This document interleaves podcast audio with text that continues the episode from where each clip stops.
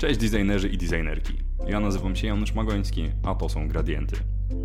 Dzisiejszy odcinek należy znów do cyklu przemyśleń i wspomnień mojego dziadka Adama Raczykowskiego.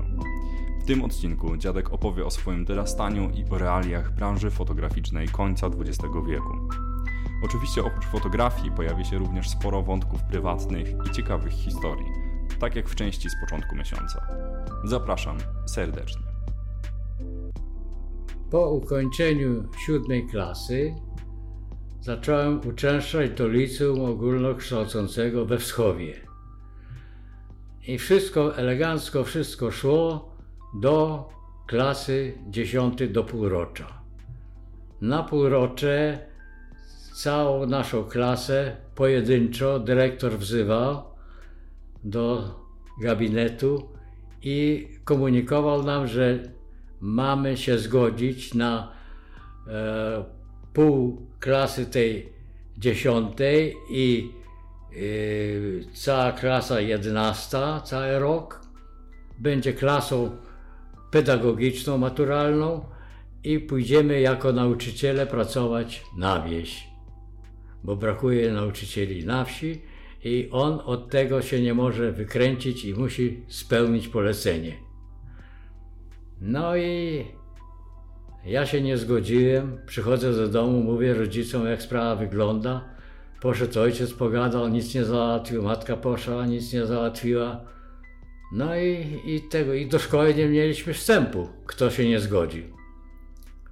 No to ja siedziałem chyba dwa tygodnie w domu. No i zadecydowałem, że trzeba gdzieś wyjechać. No i miałem kolegów w Szczecinie, we Wrocławiu, no ale zdecydowałem, że Wrocław jest bliżej wschowy, będę miał e, możliwość przyjazdu na święta do rodziców i tak dalej. No i wsiadłem w pociąg, pojechałem do Wrocławia. No i miałem kolegę, który y, kończył szkołę zawodową i pracował w zakładach nadleśnictwa przy ulicy Legnickiej. E, nazywa się Zbyszek Kulesza i poczekałem rano, jak, jak wszedł do tramwaju i mówię, taka i taka sprawa, no to mówię, wsiadaj ze mną i pogadamy. Jadę do pracy na razie, bo on pracował i miał zaoczne ze e, szkołę zawodową, technikum. No i pojechałem z nim do pracy, on tam poszedł do kadr, tego od razu załatwiliśmy, zostałem zatrudniony w tych zakładach. No bo szkołę trzeba było zacząć od nowego roku i trzeba było coś kombinować. No i tam pracowaliśmy razem. Y, razem z nim, razem z nim zamieszkałem na jakiś czas, później sobie znalazłem inne lokum. Tylko powiedz mi jeszcze, co to były za zakłady? Jakie to były zakłady? To zakłady nadleśnictwa, yy, tam ro, robili różne łopaty do kliny, takie do zakopywania drzew, jakieś tam inne cuda. E, e, no i nawet taką cichą produkcję wojskową, jakieś haki żeśmy do armat do, dorabiali. Ręczna robota musiała być, nic nie można, można było mechanicznie robić, żeby nie przegrzewać materiału tego hakowego. No i tak żeśmy sobie radzili. No i, i, i jak się miał zacząć nowy rok szkolny, to kadrowa wezwała mnie. Ja przychodzę, pytam się o co chodzi. A mówi, jesteście za młodzi, na razie nie musicie pracować, kierujemy was do szkoły, musicie skończyć maturę i będziecie dalej się uczyć. No ale z zakwaterowaniem było ciężko, to mi tam załatwili internat przy y, Grunwaldzkiej 106. No i tego. I chodziłem e, na Piotra Skargi do liceum e, i tam skończyłem maturę i dostałem się na studia e, na Politechnikę na chemię. No i fajnie było na tej chemii, fajne towarzystwo, znajomości, koledzy i normalne były reklamacje przy komisji wojskowej bo mimo, że studenci byli, to byli wolani na komisję wojskową z reklamacją z Politechniki. No i ja taką reklamację dostałem jak wszyscy i, i normalnie przychodzę e, i ten. Pokazałem to, to oświadczenie nie z Politechniki i ten siedzi i mówi, tak, macie zwolnienie z wojska i tak dalej, ale my was rekrutujemy do wojska. No ja tak popatrzyłem na niego, mówię, ze mnie wariata robią, czy co, kurde, inni poszli, a ja mam iść do wojska? No i ten. I patrzę, drzwi są otwarte, chwyciłem za dowód w drzwi i uciekłem. Ten za mną tam coś lecieć, tego ja po schodach, tego, bo ta e, komisja była w, w nocie we Wrocławiu. I wtedy co robić? Zacząłem dochodzić o co chodzi. No to tam politycznie mnie coś Grecy za, zakapowali, że coś tam politycznie nie tak się wyrażałem tego i, i oni skurczybyki wzięli mnie na, na tego, do wojska wcieli za to. A co to za Grecy? Jacy Grecy? No ci emigranci, że uciekali, bo to, to, to, było pełno Greków, e, tam byli prześladowani, komuniści, to, to Polska przyjmowała, tych Greków pełno na, na studia się dostało i, i tego. Wszystko za darmo mieli, elegancko się czuli i kapowali. Jakaś dyskusja była. Później kolega mi się przyznał, że e, siedzieli, rozmawiali i, i, i Grek mówi, o, mówi, w Rosji to jest taka technika, mówi, że tam taczki to się na drewnianych y, tych kołach. A ten y, Borczy nazywał. Mówi, ty durniu, mówi, oni tam mają jeszcze kwadratowe koła z drzewa zrobione, jeszcze się nie obrobiły na, na koło i jeszcze koła nie znają. I też go wywalili, a, a na medycynie, y, na, medycynie, na medycynie był. No i, i tak żeśmy zostali wykiwanie. Ja później kombinowałem, żeby do tego wojska nie iść, nie? I wsiadłem w pociąg i pojechałem do Stalinogrodu. Katowice nazywała się wtedy już Stalinogrodem. No wysiadłem, patrzę, piękny napis Stalinogród, kurde tego. I tam mi kumple nadali, że e, liceum, liceum pedagogiczne podlega e, no, zwolnieniu z wojska, nie, nie biorą do wojska, bo potrzebują nauczycieli. No i tak chciałem jakoś się przeforsować i gdzieś indziej do jakiejś uczelni się dostać. No ale niestety ten warunek znieśli i wcielili mnie do wojska. I z Katowic pojechałem e, wcielony do wojska do Poznania, do Wyższej Szkoły Oficerskiej Wojsk Pancernych. Na jak Gole... to wtedy wyglądało? Na Goleniowie. Jak to wtedy wyglądało? Zabrali cię i zaprowadzili do jakiegoś punktu? Nie zabrali, tylko musiałem się zgłosić okay. na, na, na komisję poborową i koniec, nie było wyjścia. No i przyjechaliśmy tam do, tej, do tych koszar, zaraz strzyżenie, golenie tego i tak się zaczęła e, niedola rekruta. No i chodziliśmy na zajęcia, ćwiczenia i to szkołę e, skończyłem, dostałem kaprala. Jeszcze takiego e, mieliśmy e, kolegę niskiego wzrostu, miał 1,53 m biedaka, a 1,52 m już nie brali, a jego jeszcze wzięli do wojska i, i bardzo dobrze zdał egzamin tego i kaprala biedaka nie dostał. I mówi, a ja już napisałem do, do tego, do dziewczyny swojej i do, do rodziców na wieś, że ja kaprala mam. I teraz mówi, jak ja pojadę na ten urlop? Ja mówię, nie martw się człowieku, masz tutaj te opaski, wysiądziesz tam, pójdziesz do lasu, przyszyjesz se dwa paski i tego, i nikt się tam nie będzie legitymował i tego. No i zadowolony, później jak wrócił, to mnie tyle kiełbasy i wyrobów nawiózł, że chłopakom musiałem rozdawiać. No i wszystko pięknie było, ładnie. To jednostka czołgowa, zdałem egzamin na działonowego. No i przyszedł rok 54. I niestety były wypadki poznańskie. I byliśmy na Biedrusku na poligonie kazali jechać nam czołgami do Poznania. Przyjechaliśmy do Poznania na punkt kontroli technicznej. To były stare czołgi, żeśmy zostawili. No i później dali nam e, nowe czołgi, to, to znaczy stare, ale, ale na, na, lepszym chodzie, nie? I mieliśmy jechać na ten, na miasto, do ochrony banku. Ale jak wyjechaliśmy z punktu kontroli technicznej i jechaliśmy przy ogrodzeniu koszar, to naokoło tego ogrodzenia stały czołgi ruskie. Armaty y, czołgowe były skierowane na koszary, żeby nie zawadzały rzekomo na ulicę. Całe koszary były obstawione ruskimi. Pojechaliśmy tym czołgiem jakiś kawałek drogi, no i ludzie nam za, zaszli ten tłum ludzi, baby z dziećmi, znaczy kobiety z dziećmi, z wózkami i, i, i młodzi i starzy i zatrzymują czołg. Stanęliśmy, ale dali nam dowódcę do czołgu, kapitana.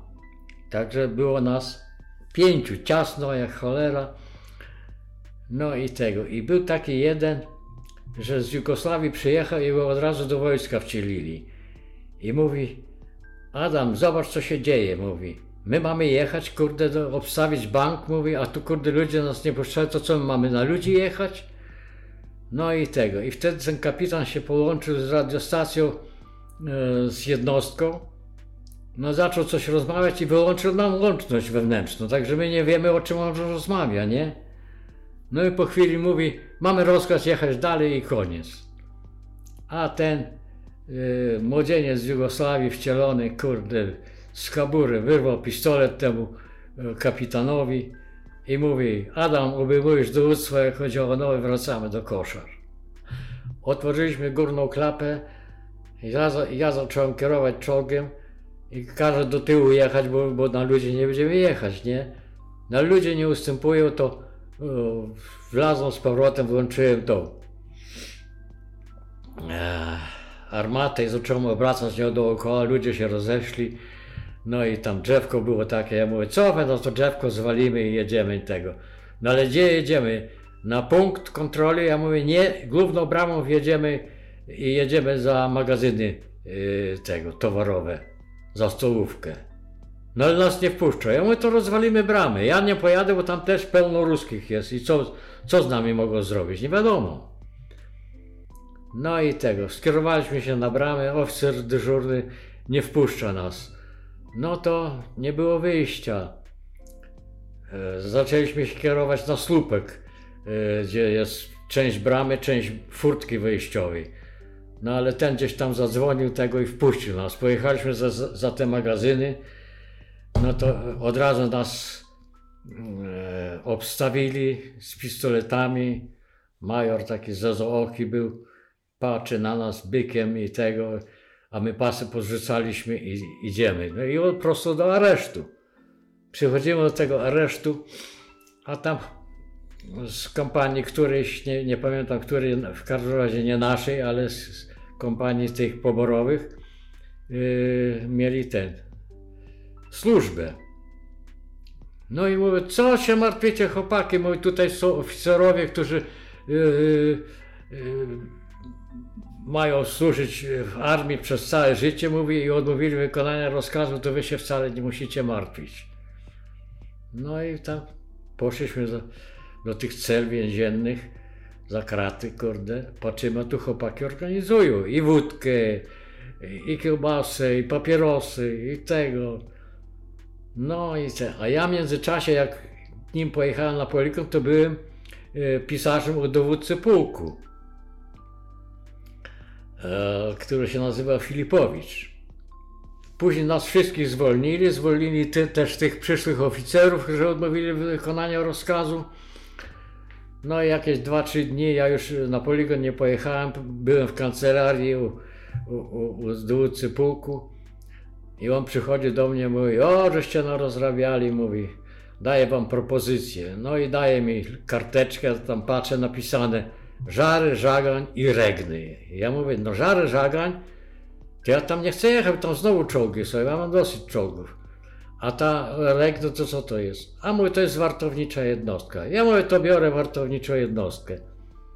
No i spakowałem plecak, wszystko, co, co, jak to się z jednostki wyjeżdża, gdzie indziej przynoszą.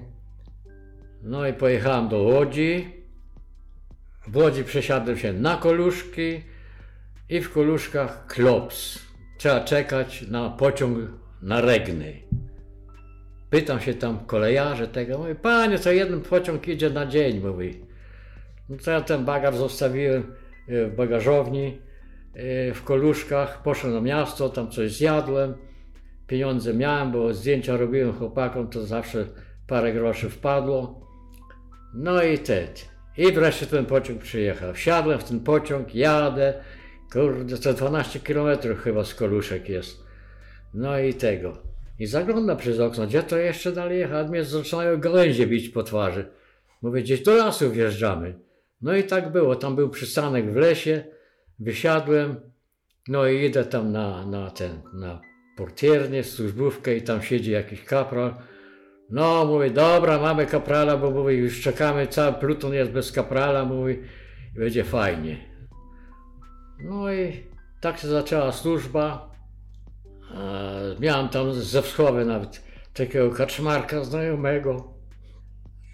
No i tak chodziliśmy tam na warty, na zmianę, bo to były trzy kompanie, chyba z 12 kilometrów było tych, tych, tego ogrodzenia naokoło tych yy, no, magazynów wojskowych, bo to jeszcze przedwojenne magazyny tam były, to chyba do dzisiaj są. No i tam żeśmy to wartę pełnili. W tej jednostce fajnie było. Na zdjęciach zarobiłem sobie tyle pieniędzy, że kupiłem garnitur, kupiłem sobie e, motor Jawę, no i, i, i czekałem na, na zakończenie służby, ale w międzyczasie... Ale poczekaj, poczekaj, co to znaczy, że na zdjęciach zarobiłeś? Już robiłeś zdjęcia wtedy tam? No robiłem chłopakom zdjęcia, co zabronione było. Mhm. Okay. Ale już miałeś aparat? Już... e, Aparat miałem taki malutki, kurde, taki, że ręką przykryłem, to mogę trzymać przy spodniach. Hmm. Na takie filmy małe, e, cztery na, na ten. Cztery na dwa były kratki takie. Mm. Na czym myśmy tam stanęli? No, na służbie w tych koszarach i e, na zdjęciach. Ale w międzyczasie e, jeździłem z, z e, żołnierzami do szpitala jako odpowiedzialny. Chorzy tam coś byli na badania do szpitala wojskowego. Woziłem ich i musiałem za nich odpowiadać, żeby się tam nie pogubili, czy gdzieś nie upili, czy tego, czy śmego. No i ten. I spotkałem kolegów, którzy e, we Wrocławiu skończyli ze mną tą maturę i dostali się na wyższą szkołę filmową. E, Kwaśniak i Zaleski Marian. No i pogadałem z nimi, one mówią, słuchaj, ty, ten Kwaśniak mówi, ja jestem w komisji egzaminacyjnej, coś tam mogę trochę załatwić, jak się da. Składaj podanie i tego, i, i, i zda, zdawaj egzaminy do Wyższej Szkoły Filmowej. No i tego, złożyłem podanie, zostałem dopuszczony do egzaminu. Fajnie, żeśmy pozdawali. Ja zdałem na 4. Takich na 4 to było chyba z 10. Reszta to byli sami piątkowicze. No i, i wywiesili listę. Wszyscy sobie ładnie przeczyta, przeczytali. A później y, taka zmianka na dole, że jeszcze y, każdy pojedynczo ma wejść do rektora uczelni.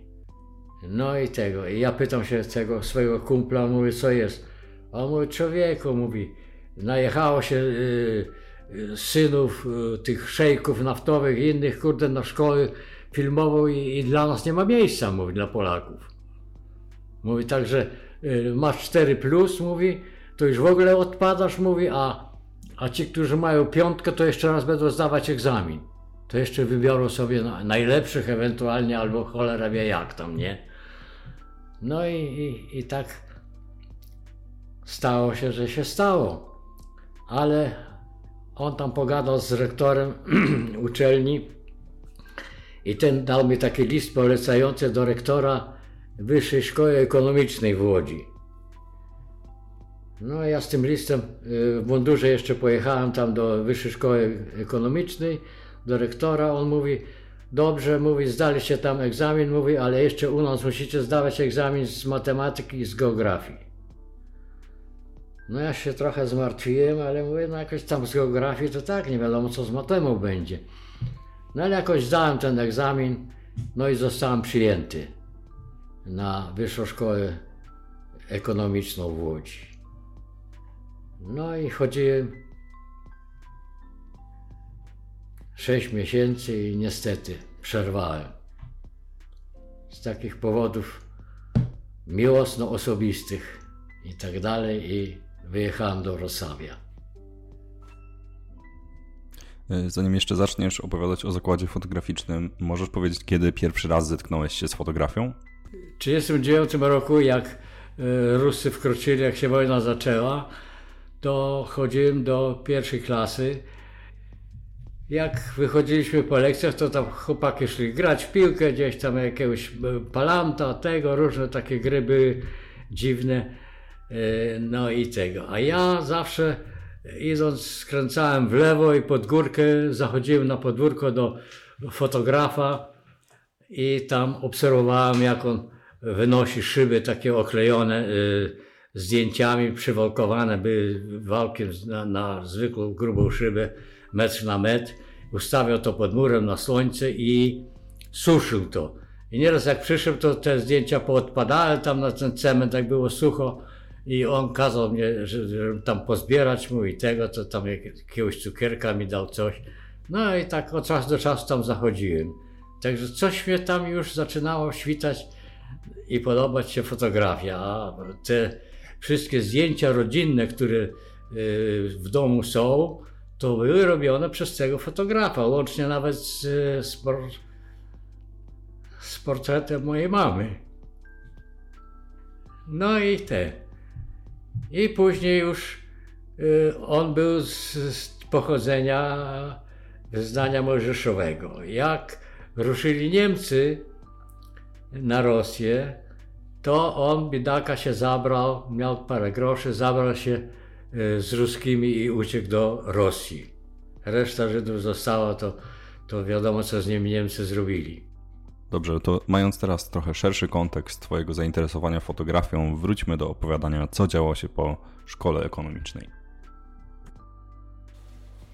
Kolega załatwił mi pracę w Centrali Rozpowszechniania Filmów Oświatowych.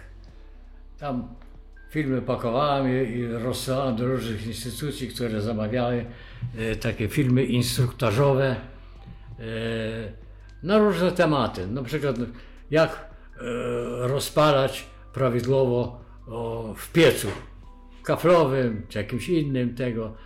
Były jeszcze takie techniczne filmy do, do różnych innych urządzeń, do tokarni, do, do jakichś tam takich rzeczy przemysłowych. No i tam pracowałem rok czasu i później zmieniłem pracę na Politechnikę. E, byłem zainteresowany fotografią i dali mi stanowisko prowadzenia e, pracowni fotograficznej dla studentów e, przy Placu Grunwaldzkim, przy tych dużych gmachach. Praca polegała na tym, że były kabiny, studenci przychodzili ze swoimi filmami, wywoływali sobie papiery, robili zdjęcia i tak dalej. Ja tam zaopatrowałem ich w papiery, w chemikalia, y, kasowałem za to pieniądze, wystawiałem rachunek, odprowadzałem pieniądze do kasy y, w Politechniki i jakiś czas pracowałem i później zmieniłem na pracę w drukarni jako fotograf ale byłem już po kursie mistrzowskim fotografii, bo w międzyczasie chodziłem na kurs mistrzowski. I na czym taki kurs polegał? Jak wyglądał taki kurs mistrzowski fotografii? No taki kurs polegał ogólnie na e, wszystko o fotografii, o aparatach fotograficznych, o technikach fotograficznych, y, no i, i między innymi na poligrafii też. I dlatego y, poszedłem do tej pracy y, na aparat horyzontalny do fotografii w drukarni. Po jakimś czasie przeniosłem się do pracy Biura Projektów Górniczych na dawnej ulicy Rosenbergów.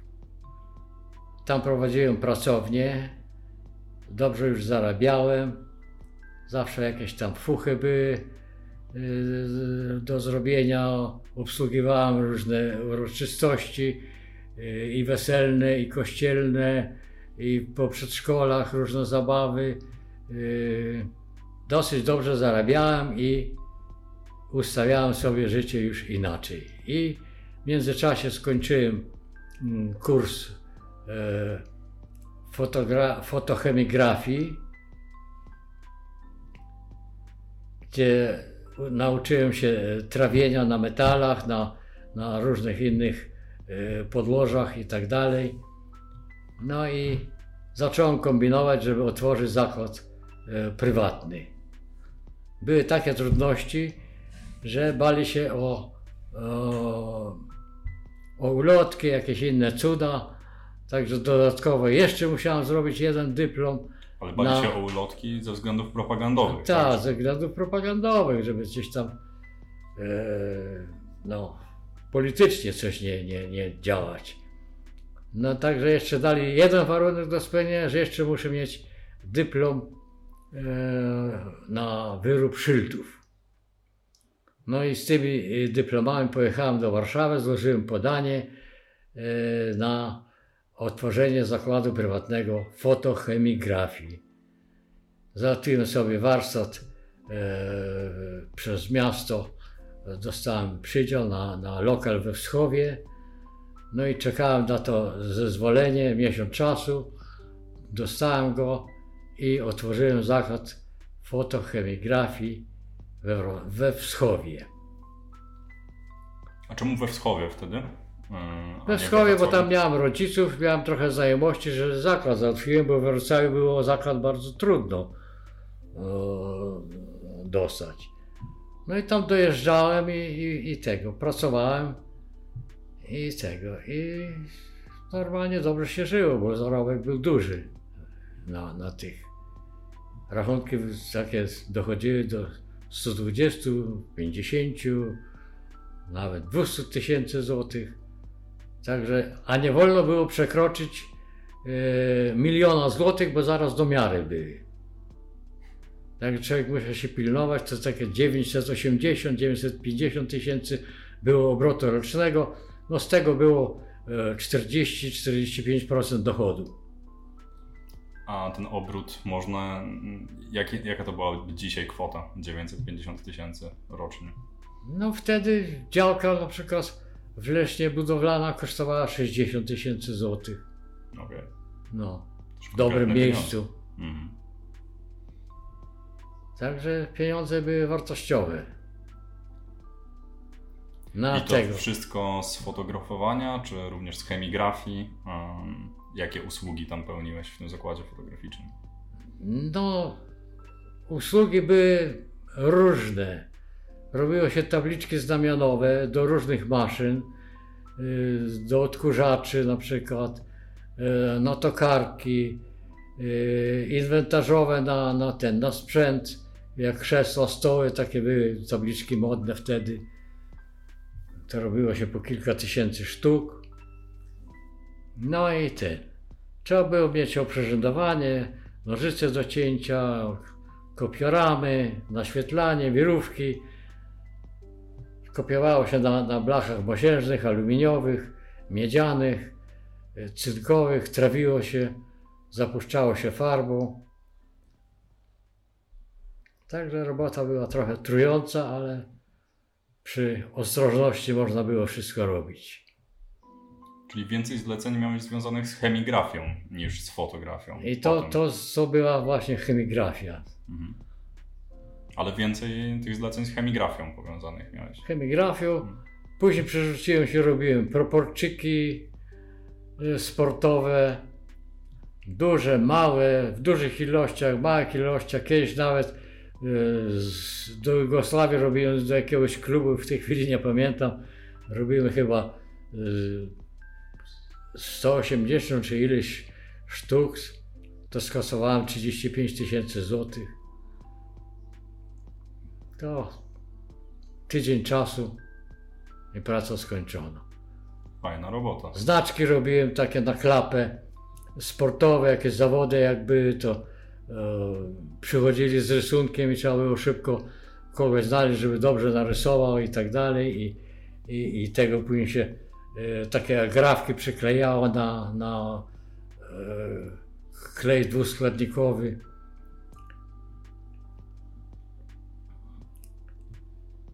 A gdybyśmy mogli jeszcze wrócić do wątku fotografii, czy pamiętasz jakieś konkretne modele aparatów, e, które wtedy wykorzystywałeś, w jakich technologiach wywoływałeś te zdjęcia? No, to czy z miałeś jakieś aparatem, ciemnie? Jak to wyglądało? z aparatów to, co miałem takie podstawowe. e, Exacte, e, Plauel Makinę miałem, robiłem zdjęcia rodzinne, różne tam inne.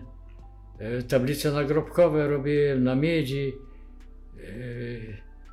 razem ze zdjęciami e, trawionymi. E, Tablice na blaże nierdzewnej, gdzieś grubości e, 7 mm i, rozmiar metr na, na, na tego, na 60. Takie duże zamawiali. To było trawione, później zapuszczane czarną farbą albo asfaltem rozrobionym, żeby był wytrzymały e, lakier na ten, na temperaturę do 150 stopni, taki asfalt syryjski rozpuszczany trzymał litery. Mhm. Tak, technologię trzeba było opanowywać, czytać na bieżąco literaturę i wszystko ekstra szło. Mhm. A, Były też wpadki. No, Przyszedł facet, przyniósł zamówienie na 120 tysięcy. Trzeba było zapłacić 10% za to zamówienie. Facet zadowolony tego, ja- zabrał pieniądze, ja zamówienie. No i tak siadłem do, tego zamówienia, już e, parę blach zrobiłem, ale patrzę na zamówienie, pisze wysyłka w całości do Łodzi. A jak sobie myślę, co to takie jakieś dziwne życzenie, nie? No, żeby w całości wysłać, a nie tam pojedyncze, bo tam czekają na przykład, żeby już te tablice gdzieś tego montować. No i partię zrobiłem, wysłałem e, do Łodzi. Po tygodniu magazynier mówi, ty jakaś paczka do ciebie przyszła. Idę do magazynu, patrzę, wróciła ta paczka nadana do Łodzi. No to tą paczkę do samochodu, wtedy Trabanta miałem. Jadę, zajechałem do Łodzi, stanąłem gdzieś tam e, e, na postoju. Idę na tą ulicę, do tego zakładu, który zamówił, nie? Kurde, numer 43. Jest 41. S- Po stronie nieparzystej powinno być 43. A tam, gdzie 43 jest wolny plac. W ogóle nie ma budynku i jest później e, 45. mhm. Widzę, że jakiś fałsz, nie? No i okazało się, że facet podrobił pieczątki e, jakiegoś zmyślonego zakładu, do, ten adres w Łodzi, gdzie, gdzie był wolny plac do, do budowy, bo kamienica była zbombardowana. No i straciłem 12 tysięcy złotych. No i to, co zrobiłem, to musiałem wyrzucić, bo już się nie nadawało do przeróbki. No i wstrzymałem robotę. Później spotykam kolegę, mówi, ty, ja mam takie takie zamówienie, ja mówię, takie same mam. To dla mnie zrobił i dla drugiego zrobił takie samo zamówienie na 120 tysięcy. No i tego, zaczęliśmy później tego faceta szukać. Okazało się, że adres mylny, ale dostaliśmy adres do żony. Żona mówi, ja już z nim nie żyję i nie wiem, gdzie on jest i, i tego i, i forsa przepadła. Tylko, że po trzech miesiącach dowiedziałem się, że ten facet nie żyje. Został zabity normalnie. A ten kolega, który dostał takie samo zamówienie jak ja, kiedyś był pracownikiem Urzędu Bezpieczeństwa i był do spraw specjalnych. Rękę miał jak młot i wymuszał na świadkach politycznych zeznania. I on się na nim, i on się chyba na nim zemścił. Mhm. Ale i ten nie żyje, i ten nie żyje, także wszystko przepadło. No pięknie. No dobrze, a możesz mi powiedzieć, jak wyglądał taki proces druku, em, trawienia właściwie, no nie wiem, jak robiłeś jakieś takie tablice nagrobkowe, no to to były w metalu, zakładam drukowane fotografie, tak? Tak. Jak wyglądał taki proces? Proces trawienia wygląda w ten sposób, że trzeba było zrobić kliszę. Jak na tablicy nagrobkowej miało być zrobione zdjęcie, to trzeba było to zdjęcie rozbić przez raster, przynajmniej 48 punktów, zrobić próbne trawienie na jakimś innym kawałku, później przenieść na tą tablicę, wytrawić, zakryć to, później skopiować napis na tej blasze, przygotować wszystko do trawienia i już to zdjęcie zakryte nie może być ruszane kwasem, tylko reszta liter trawiło się na głębokość tam 0,2-0,3 mm.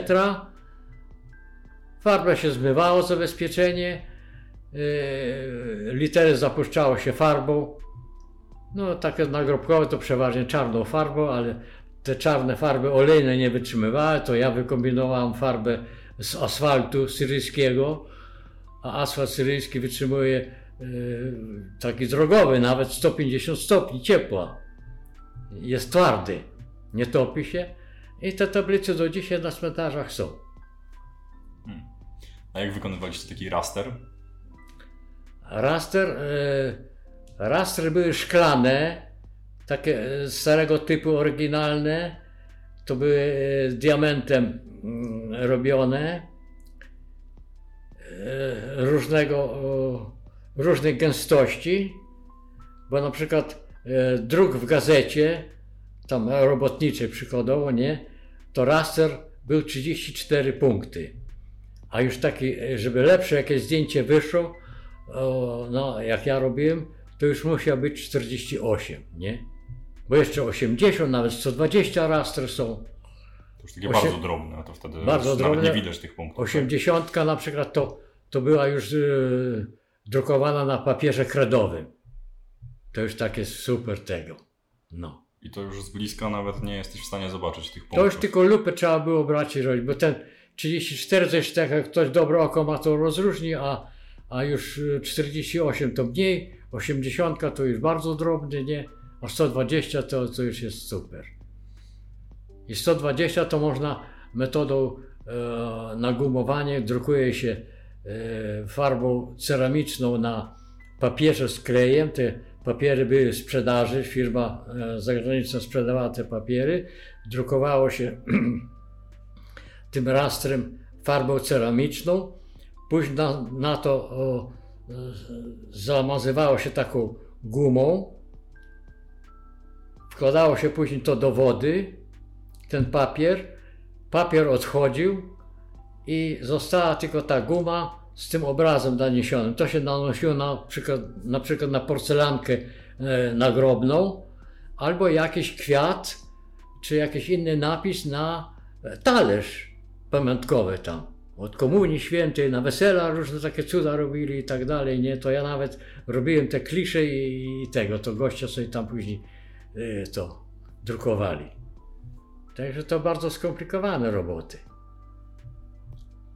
Bo można nanieść na e, tabliczkę nagrobną zdjęcie tą metodą, a później e, tą obwódkę, która jest złota na, na, na, na tej porcelance, tą samą metodą można nanieść i za jednym razem włożyć do pieca do wypalania. Nie trzeba dwa razy wypalać. A wypalanie polega na tym, że musi być temperatura 850 stopni. I to ty miałeś takie piece na miejscu, czy gdzieś zanosiłeś to do zrealizowania? No to to trzeba było zanosić do tych, którzy ten y, wypalali y, y, ten z kaolinu różne te talerzyki, czy tam jakieś inne figurki i tak dalej, nie? To jest piec, który pobiera 16 kW i po wypaleniu wyłącza się i on musi 24 godziny albo 48 godzin sam ostygać, bo jak się wyjmie wcześniej, to naprężenia się nie skasują i, i porcelana pęka, czy, czy inne już wyroby. No. A pamiętasz jakieś takie ciekawe historie e, z jakichś weseli, pogrzebów, no nie wiem, coś ci przychodzi do głowy? No nieraz ciekawe historie się zdarzały na pogrzebach. Kiedyś y, żona była zajęta pracą, ja dostałem od kolegi, mówię, ja mam tyle roboty, nie, nie zdążę na pogrzeb, możesz pojechać tam porobić te zdjęcia na pogrzebie. Ja mówię, dobra, pojadę. Mówię, ale to jest bardzo bogaty gospodarz, weź ze trzy filmy, bo oni będą musieli dużo zdjęć zrobić. No ja te zdjęcia porobiłem elegancko i tego. I już wychodzi, wychodzi, wychodzą już z trumną na podwórko, no i ustawiają się do pogrzebu, tam niedaleko e, cmentarz, no i tego. I ja musiałem zabrać ze sobą córkę, bo nie było gdzie zostawić. No i jakaś kobieta wzięła, wręczyła mojej córuni e, wieniec z tego, e, z sosny klujący. Ta biedaczka wzięła ten, tego, tu ją sosna kluje, płacze, ale idzie, idzie i, i cały czas później stan nad tym grobem, ja te zdjęcia robiłem. Kurde, kupę śmiechu. Ona z taką miną płaczącą już położyła ten wieniec na nogi i tak stała. Nie mogła Takie różne przygody były. A nie się nie udały zdjęcia. E, te, te lampy błyskowe e, ruskiej produkcji to były na tego, na e, baterie. Zrobiło się jeden film, już trzeba było zmieniać tego, tutaj impreza trwa, nie się zmieniło tego, to już impreza się kończy. No i wykombinowałem sobie ten Dostałem części e, do robienia akumulatorów. Dostałem w kawałkach na plus i na minus, pociąłem to i, i z pleksji posklejałem taki mały akumulator, żeby się mieścił do tej torby, gdzie, gdzie ta lampa była. No to wystarczało mi na cztery filmy do fotografowania. Także człowiek sobie ulepszał pewne sprawy technicznie. Jak duży ten akumulator był? Akumulator był ołowiowy, na kwas siarkowy. Hmm, ale to ciężkie było chyba, nie? torbie nosić taki akumulator? Nie no, to, to, ciężki był, ale pieniądze też były ciężkie. Trzeba było zarobić. no. Namawiali mnie kiedyś, jeszcze za młody, że fajnie otworzyć sobie zakład fotograficzny, ale jak ja byłem u kolegów różnych, którzy mieli zakłady fotograficzne, to to normalnie uznałem to za niewolnictwo. To jest coś niewyobrażalnego. To jest od rana do wieczora, kurde, siedzenie w zakładzie. Klient przyjdzie, nie przyjdzie, ale jak, jak nie przyjdzie do fotografii, to przyjdzie odebrać. Jak nie żona, to ktoś musi siedzieć, w zakładzie, czy, czy jakiegoś e, tego ucznia mieć, czy jakiegoś trzyletnika zatrudnionego. To jest takie niewolnictwo, dlatego mówię, wolę wolność i zakład taki, że ja mogę po nocach robić, ale wolno było. Jak jechałem na wczasy nad morze, jak była pogoda, to sobie przedłużałem o miesiąc. Można było poczekać, później się odrobiło wszystko. A zajmowaliście się też retuszowaniem fotografii?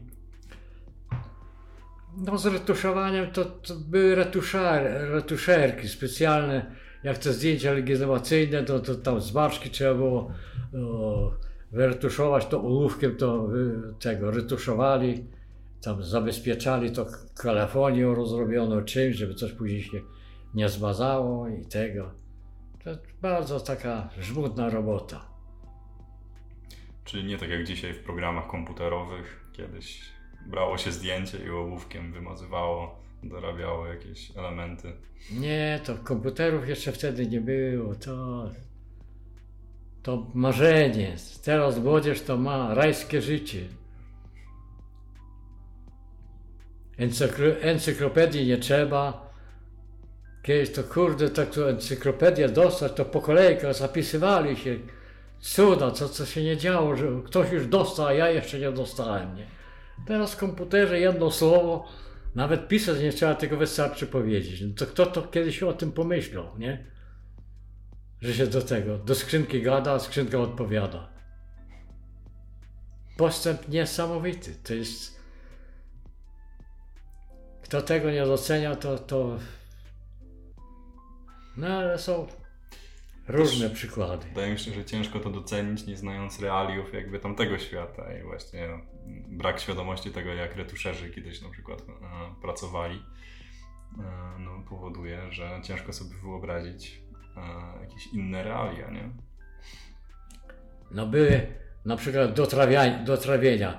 To były produkcje amerykańskie, trawiarki pod ciśnieniem, gdzie się wkładało, kurcza, klisze ono, z, znaczy do druku klisze, bo w drukarni robiłem też do, do druku o, klisze. To wkładało się do trawiarki, to się kręciło, pod ciśnieniem kwas pryskał i tam czas był włączony, tyle i tyle i gotowy materiał był, a tak trzeba było ręcznie trawić i tego. Mało tego, to jeszcze emulsję trzeba było robić.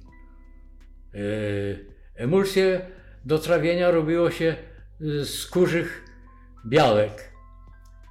To w drukarni pracowałem, to e, ludzie tam e, na dole w drukarni, gdzieś dru, druki były na papier i tak dalej, to, to było dużo z wioski zatrudnionych ludzi. To u nich się zamawiało 50 świeżych jaj. Takie trzydniowe musiały być przynosił do chemigrafii, nie? I ja te jaja e, wybijałem. Nie, wo, nie wolno było do białka kropli żółtka do, do, do, dobawić, bo wtedy już emulsja była niedobra. Rozdzielić to i tą pianę trzeba było ubijać e, z tych białek. To tak się ubijała, aż była stojąca, że się już nie wylewała z miski, bo to w dużej misce się z 50 jaj ubijało. I teraz ta piana no, puszczała, to białko osiadało takie, zlewało się to białko i ileś tam białka dodawało się do, do wody, do ilości białka dodawało wagowo, dodawało się 10% dwuchromianu e, amonu i to powstawała z tego emulsja. Z tym, że miałem takiego e, majstra, kierownika chemigrafii e, w drukarni tej pocztowej, że pilnował. Ubijać trzeba było prawą stronę. Jak była piana ubita w lewo, emulsja niedobra. I ja kiedyś tak uczniowi dam, żeby ubijał, on był lewakiem i ubijał w lewo. I rzeczywiście emulsja była niedobra. Ale dowiedziałeś się, co jest przyczyną tego? No nie wiadomo. Może jakieś siły magnetyczne Ziemi działają na to albo coś, ale, ale sprawdza się, że, że była niedobra. A z kolei oprócz tego białka, to kiedyś e, w sklepie chemicznym w rynku kupiłem albuminę. Albumina. Co to jest albumina? Albumina to jest białko otrzymywane z krwi wołowej na przykład, nie? I ta albumina była sprowadzona z Niemiec. Ja tą albuminę tylko nie trzeba było ubijać, tylko już rozpuścić w wodzie. Tyle, tyle gram, tyle i tyle gram e, dwuchromianu, emulsja gotowa. I później się dowiedziałem, że Wrocław, jako duże miasto i największa rzeźnia na Śląsku, za Niemców miała przeróbkę krwi na albuminy. Tego było tak dużo, że jakiś facet kiedyś e, to opisał w którejś gazecie, ja przeczytałem, że tą albuminę, którą by odzyskali z tej krwi, z tej rzeźni wrocławskiej, to liczyła się na miliardy złotych. A oni to wszystko wpuszczali do Odry. Nie uruchomili dosłownie. Nie, nie zdawali sobie sprawy, jaka, jakie to jest osiągnięcie. A tą albuminę można, by, można dodawać do, na, do produktów żywnościowych. A jaką ona rolę odgrywała w produktach żywnościowych? Proszę? Bo ty mówiłeś, że albumina była wykorzystywana do robienia emulsji, tak? A no. w produktach żywnościowych jaką rolę? Ja nie wiem, czy była, tylko ja spróbowałem zrobić i wyszła ekstra emulsja. Aha. Okay. Na tym kawa polega. Ja nie wiem, czy była używana. A, yy, to normalnie do czego była ta albumina? No można w komputerze zobaczyć na przykład do czego albumina jest albo była używana, bo na pewno ktoś nie jest frajerem, żeby wypuszczać tyle pieniędzy do Odry, czy, czy niszczyć. Bo rzeźnie istnieją i, i świnie się bije, krew elegancko spływa, nie? Nie tylko do kaszanki.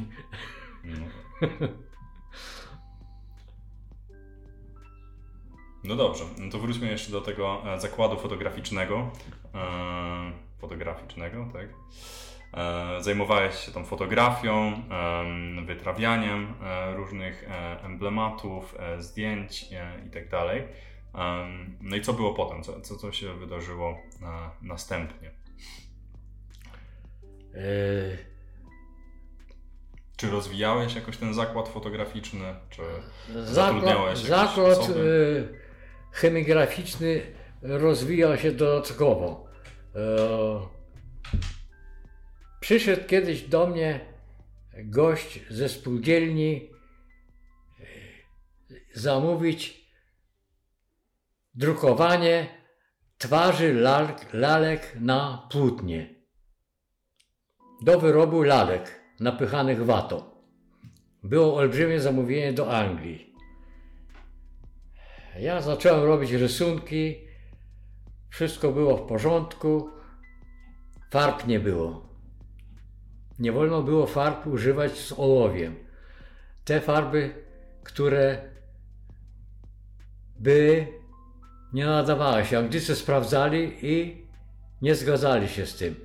No i pojechali kiedyś z partią lalek tego i przywieźli farby yy, takie specjalne dla dzieci, nie, te nie, nie skażone yy, związkami ołowiowymi i innymi i tak dalej.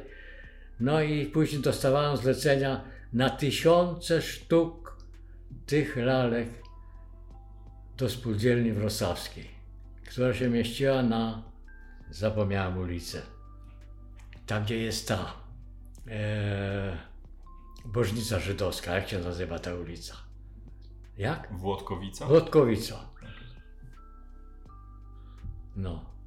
Tysiące talarek się robiły. Jak przywiozą ze wschowy, dajmy na to 5 tysięcy sztuk, do tego. No to myślałem, że będę miał odpoczynek, to musiałem szybko jechać, bo na rano trzeba było zrobić znowu z, z 2000 sztuk. I to się robiło w kolorach rozbijało się na kolory i, i drukowało się każdy kolor osobno, suszyło się, później się ładnie składało, pakowało i... Czyli można powiedzieć, że Twoja e, kariera fotografa e, jakby przerodziła się trochę w karierę chemigrafa. Du dużo swojego czasu takiego zawodowego poświęcałeś na te zlecenia chemigraficzne, no i koniec końców wykorzystywałeś też tę wiedzę zdobytą e, w wytwarzaniu emulsji, w trawieniu, no, różne kombi- negatywów.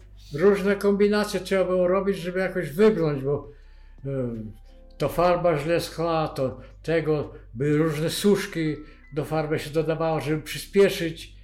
Później doszło się do wniosku, że lepiej rozkładać w międzyczasie, żeby bez suszki już tego, bo te suszki przeważnie były z jakimiś dodatkami, że, że mógł być w nich ołów, nie? Ale na przykład przyszli kiedyś e, z PKP, kamizelki te ochronne, te, te czerwone z, z odblaskami i tak dalej, że ktoś im robi, ale po dwóch praniach już to wszystko znika, nie? No i tego. Przyszli do mnie, czy, czy jest możliwość taka, żeby oni to mogli prać, jakoś nie znikało. Ja mówię, dowiem się, dam znać.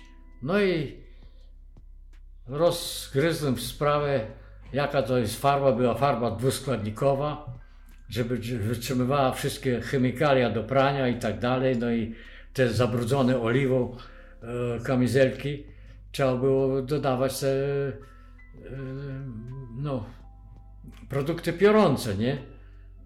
No to tak nawalili roboty, podjeżdżali żukiem pod okno i ładowali cały żuk tych kamizelek się drukowało. Odbierali.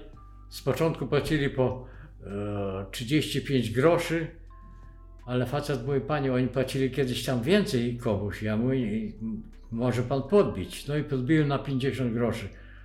To za jedną nocą można było zarobić 50 tysięcy. Ale byli zadowoleni. No powiedz mi, a teraz masz swój aparat e, cyfrowy e, i ciągniecie dalej, żeby robić zdjęcia, fotografować? E, czy, czy jednak tęsknisz za tą starą metodą fotografowania, za ciemniami i sprawdzaniem, co tam wyjdzie z tego negatywu? Czy, czy bardziej Ci się podoba współczesna technika tworzenia zdjęć?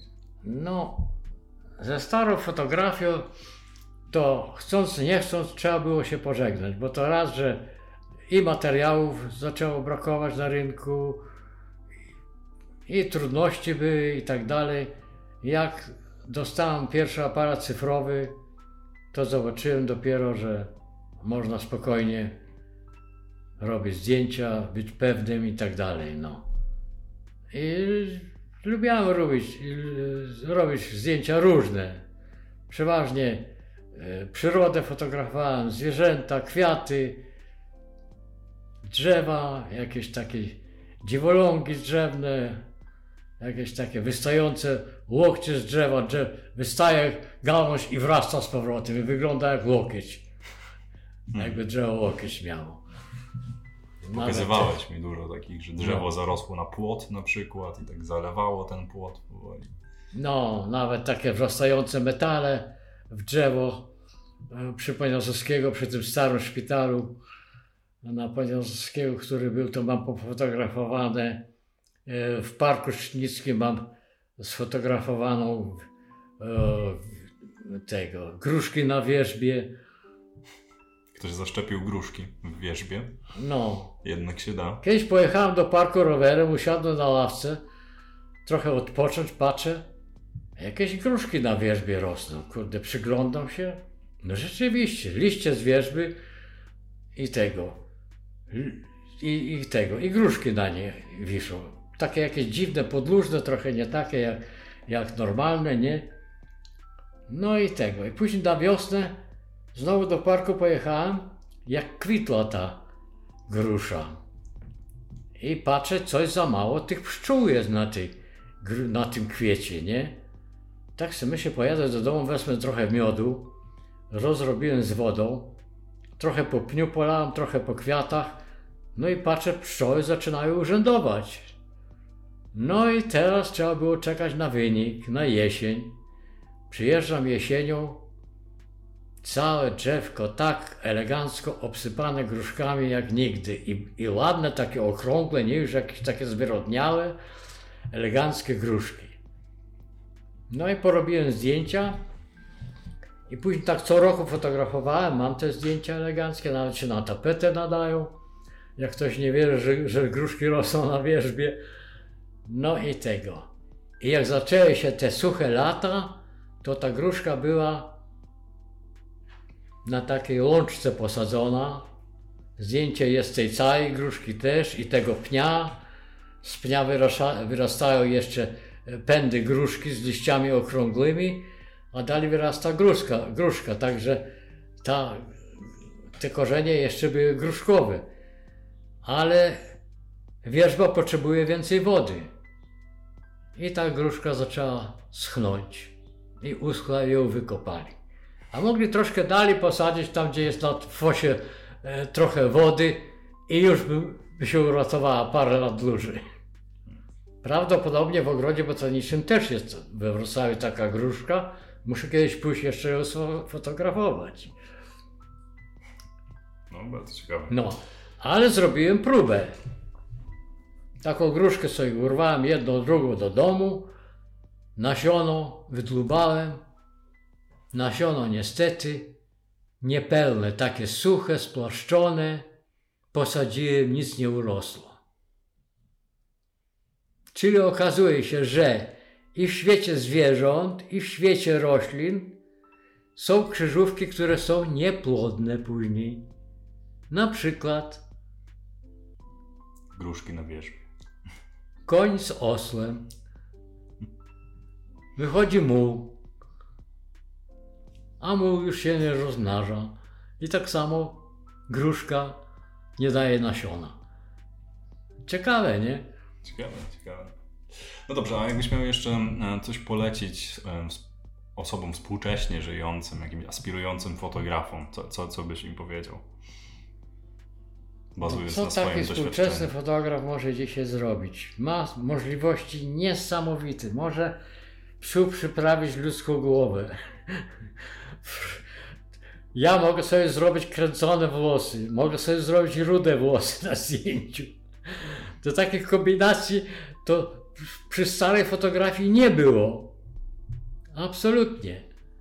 A w takim bardziej podejściu e, do biznesu, no bo tak jak mówiłeś, było dużo fotografów, którzy pracowali w zakładach fotograficznych i męczyli się tam, pracowali po 8-10 godzin, byli zamknięci, nie mieli za bardzo swobody, czyli nie mieli tego, co ty miałeś, prowadząc własną działalność.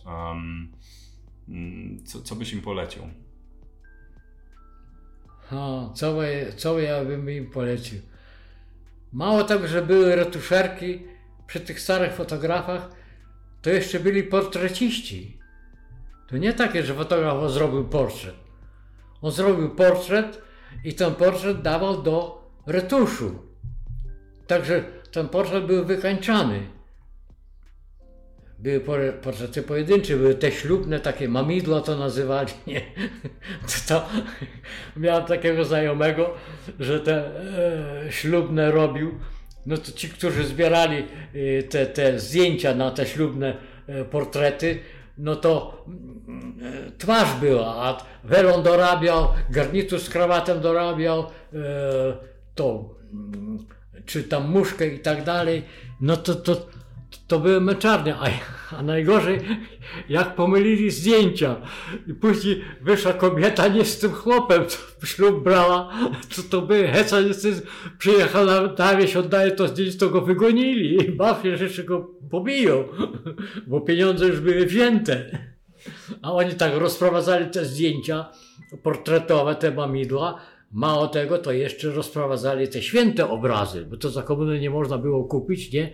To robili te święte obrazy, kolorowali tymi yy, yy, papierem tym rurkowanym, barwionym, yy, kolorowali te obrazy i tak dalej.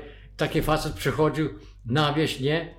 Yy, drzwi zamknięte, nikogo nie ma, to, bo w polu robił, to on obrazą zastawiał drzwi, jak oni szli, to on zaczyna się modlić, że się nie wpuszcza ich, już muszą kupić obraz. Oni mówią, my już mamy taki, to ja mam inny.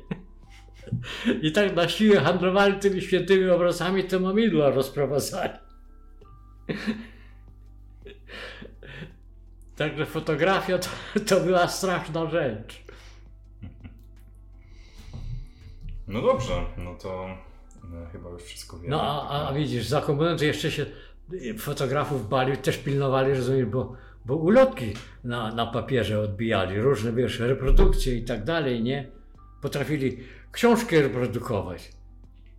Kulak Solżenicyna potrafili fotografować, bo, bo nie było ci tej książki dostać, rozumiesz? Ja gdzieś dostałem ten gulag Solżenicyna, przyszedł kumpel mówi pożycz. No ja mu pożyczyłem i trzy dni nie przynosi. Ja mówię, co się stało? Mówi, ty, My mamy taki zespół, mówi, jeden czyta, mówi, a pięciu siedzi i słucha.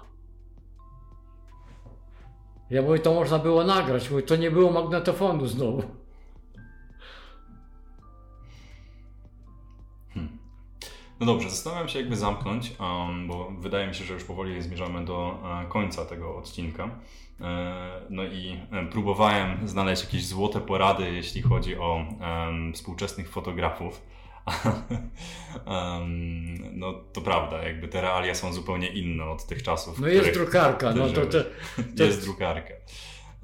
Jest drukarka, są programy do edycji fotografii i tak dalej, więc e, rzeczywiście ten świat całkowicie się zmienił i ta branża też.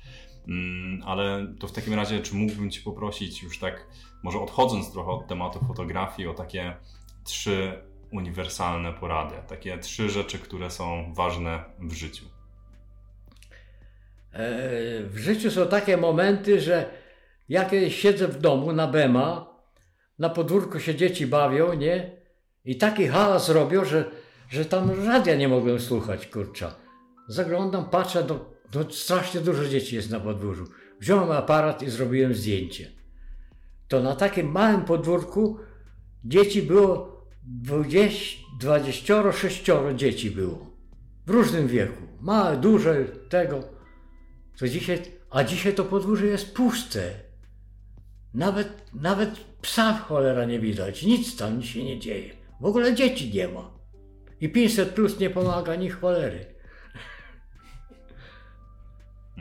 To jest niesamowite. Zaczęsienie tych dzieciaków było. Czyli jakie jest przesłanie? Przesłanie? Co takie nowoczesny fotograf może robić? Nie, już nie mówię o fotografii, tylko no, e, co tego, mm, podsumowując te wszystkie historie, które ci się przydarzyły w życiu i um, wszystkie przygody i tak dalej, jakby co, co jest ważne w życiu?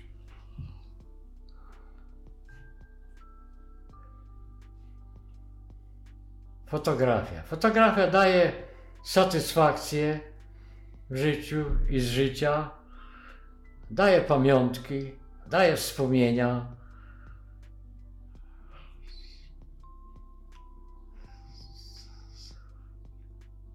Ale różne wspomnienia, i smutne, i wesołe. Bo na niektórych zdjęciach są ludzie, których już nie ma.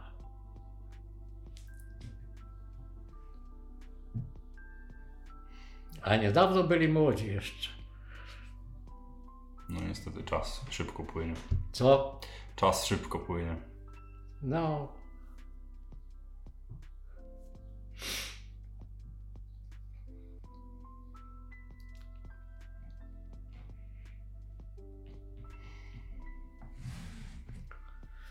Zegar nie stoi, stale chodzi.